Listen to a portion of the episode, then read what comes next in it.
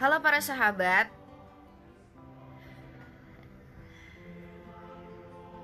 Entah sabun ataupun hand sanitizer, pastinya dua benda itu ada di tangan kalian pada saat ini. Mau kalian ada di luar rumah atau kalian ada di dalam rumah. It's kalian yang di luar rumah jangan lama-lama ya di luar rumahnya dan jangan berkerumun atau sebisa mungkin hindari kerumunan. Pendeta kok paranoid ya? Bukannya paranoid guys. Ini tindakan pencegahan. Karena negeri ini belum memperlakukan screening massal sehingga kita nggak tahu mana yang kena virus dan mana yang negatif. Maafin saya ya. Saya sedang mencoba mencari di mesin pencarian di Google Kita semua waktu menjaga jarak sosial di rumah pasti penasaran. Gimana sih sejarah pembuatan sabun? Ternyata sabun itu melalui pengembangan dalam proses yang lama sekali. Hampir berabad-abad. Dimulai dari tradisi 2800 tahun yang lalu di Babilonia kuno Bahkan ada juga yang bilang 600 tahun sebelumnya di negeri Cina sabun itu udah ada. Dan bahkan ada yang bilang 1550 sebelum Masehi di Mesir sabun juga sudah digunakan.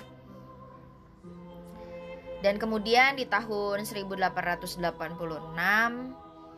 seorang bernama William Lever dan saudaranya James Kemudian mendirikan pabrik sabun kecil modern pertama di Warrington, Inggris.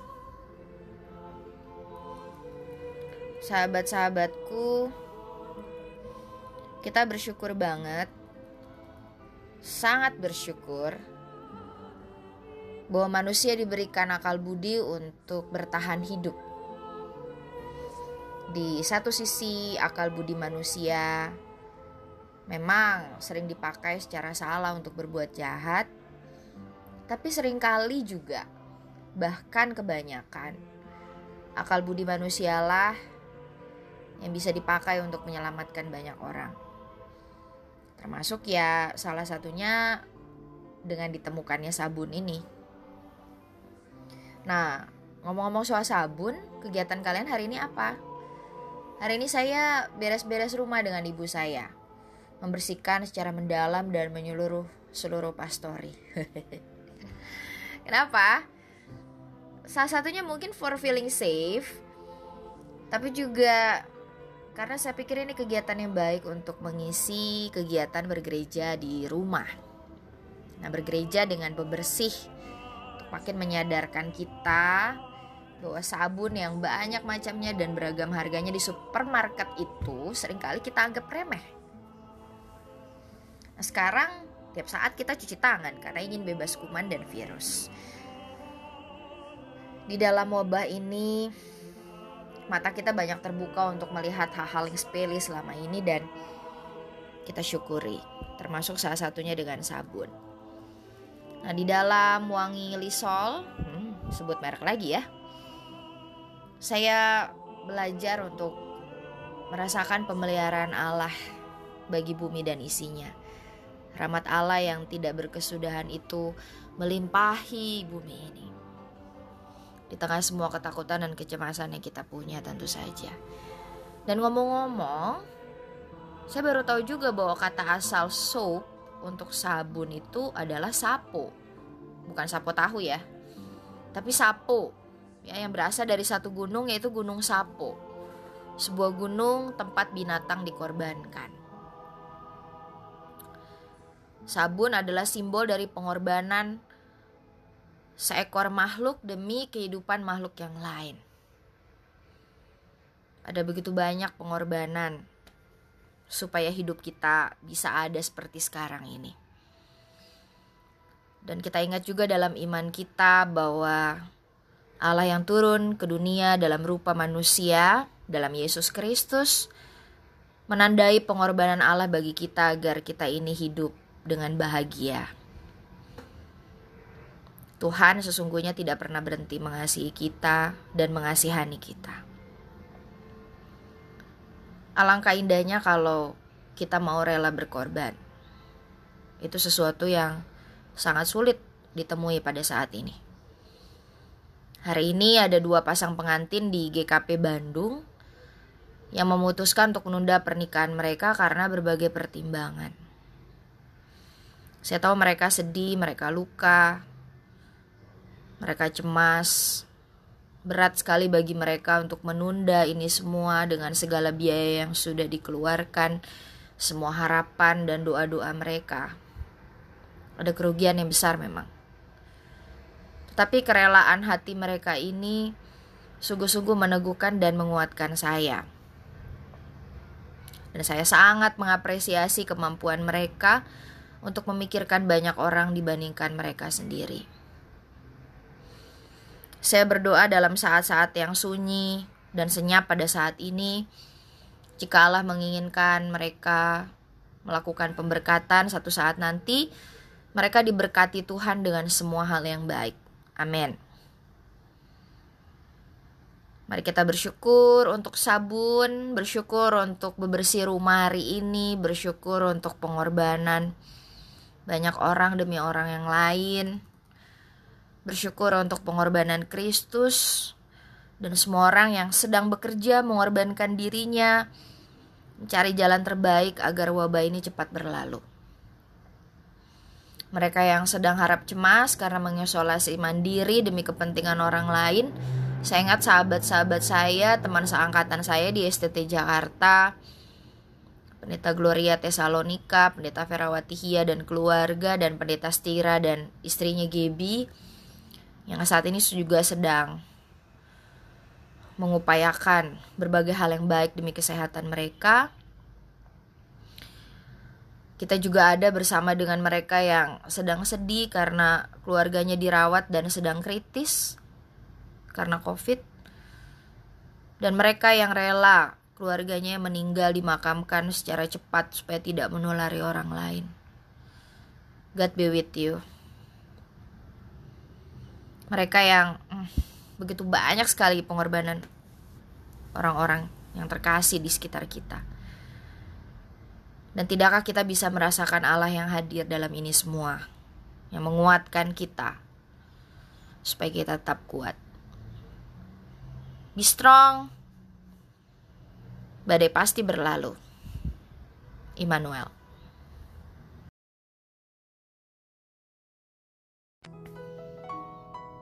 Hai kuy Panggilan macam apa itu? Halo sahabatku Bagaimana kabar kalian hari ini? Saya berharap kita semua tetap sehat Tetap suka cita Tetap happy Nah siapa di antara kita yang hari ini berjemur di matahari yang hangat? Hari ini kebun jati nggak terlalu panas ya. Jadi sinar mataharinya itu nggak terlalu kerasa gitu. Nah siapa yang olahraga hari ini? Jangan telat bangun dong, tentang kita di rumah terus. Uh, kayak saya sendiri rajin aja ya. Tapi benar teman-temanku, mari bersama-sama kita ingat untuk selalu perkuat imunitas tubuh kita ya. Nah bicara soal daya tahan tubuh yang katanya harus dibangun dengan sangat baik pada masa-masa berdiam di rumah pada saat ini. Hari ini saya baca banyak banget tips dari berbagai grup di WhatsApp. Ya biasa ya pendeta itu biasanya punya banyak grup di WhatsApp. Dan itu kadang-kadang membutuhkan kebijaksanaan untuk live group gitu. Saking banyaknya. Dan ada banyak sekali cara yang dibagikan tentang bagaimana meningkatkan imunitas tubuh sampai saya pusing sekali bacanya ada yang bilang pakai lemon ada yang bilang pakai vitamin ini itu debat juga vitaminnya mana yang lebih bagus dibanding yang lain ada lagi yang bilang nggak usah minum apa-apa cukup tenang meditasi aja.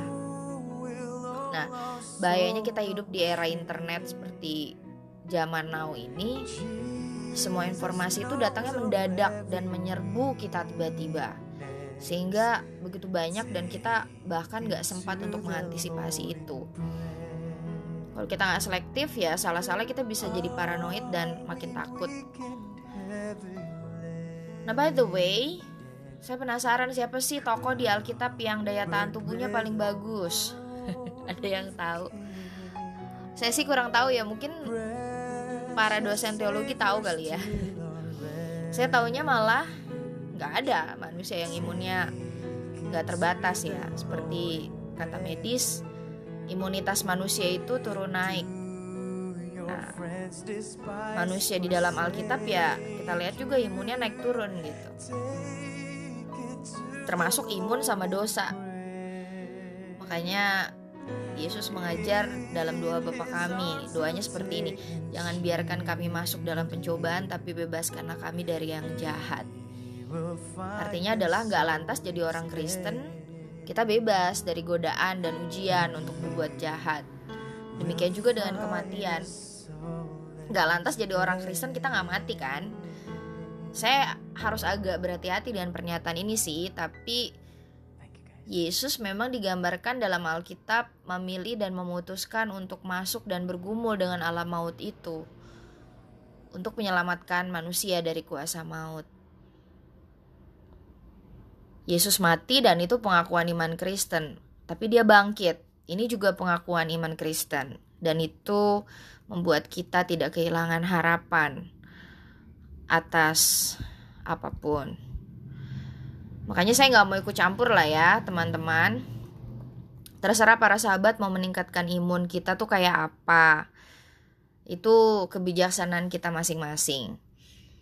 Tapi untuk bisa meraih mujizat kita mesti percaya dan meraih tangan Allah seperti kisah Naaman yang mau berendam di sungai Yordan dan saya ingat juga kisah empat sahabat yang menggotong satu temannya ke atas rumah untuk disembuhkan Yesus.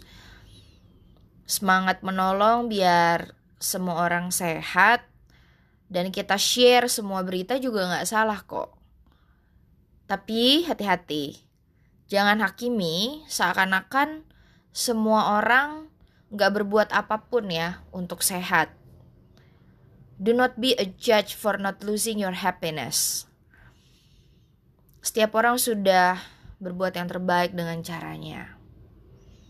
Ya jadi kalau kita share bukan berarti kita paling benar gitu.